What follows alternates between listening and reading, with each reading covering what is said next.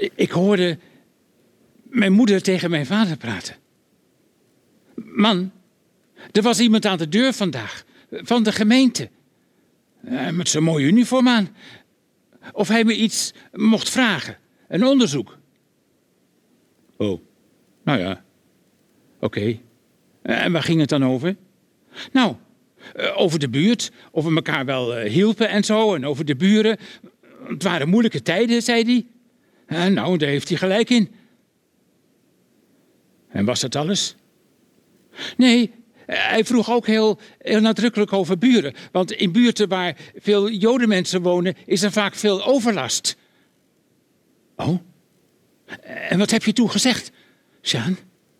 Nou, gewoon dat de Polaks hierboven wonen. Ouders en, en twee kinderen. En een man zonder werk. En s'nachts was hij altijd maar weg. Ja, waar leeft hij dan van, hè? Denk je dan? Nou ja, het zijn best aardige mensen hoor, maar toch. Weet u, el- elke vrijdag die, die, dat zangen, zingen van die, van die sabbat.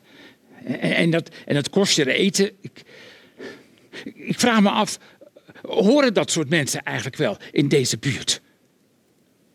Sjaan? Sjaan? Heb je dat allemaal gezegd? Ja. Ja, ik, ik, moet toch altijd de waarheid zeggen? Als christenmensen zeg je zelf ook altijd. En die man die was zo aardig. Hij bedankte me vriendelijk. Hij zei, nou, u hebt me prima geholpen hoor, voor de opruimactie. Nou, dat vond ik wel gek hoor. Het is die, de Voorschotenlaan is toch altijd opgeruimd. En onze stoep is toch ook altijd schoon. Sjaan, Sjaan, waar zit je verstand? Sjaan, snap je niet wat ze ermee bedoelen met opruimactie? Markeer er nog maar aan dat je niet verteld hebt dat hij in het verzet zit van Rem de meest gevreesde Joodse verzetsorganisatie. Het is een moedige man. Wat hij al niet voor elkaar gekregen heeft aan overvallen, aan, aan, sabotage, aan etensbonnen voor onderduikers. Maar nu. Nu zijn ze hem op het spoor, Sjaan. De Polak zijn in groot gevaar. Ik moet ze nu direct gaan waarschuwen. Die avond, ik lag in bed. Hoorde ik een vrachtwagen stoppen voor de deur. Duitse soldaten stapten uit.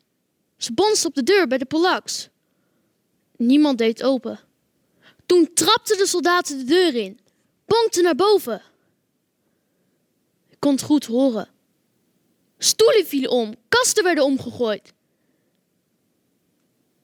En even later kwamen ze met veel lawaai weer naar beneden.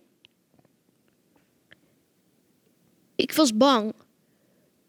Bang dat ze de Polaks hadden gearresteerd. Esther, Vatter, Mom en de kleine Ruben hadden meegenomen. Verdammt nogmaal. Die Vögel sind geflogen. En toen reden ze weer weg. De vogel?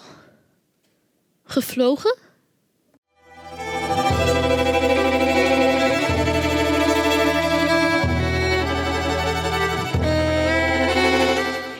Op reis. Ik weet niet waarheen.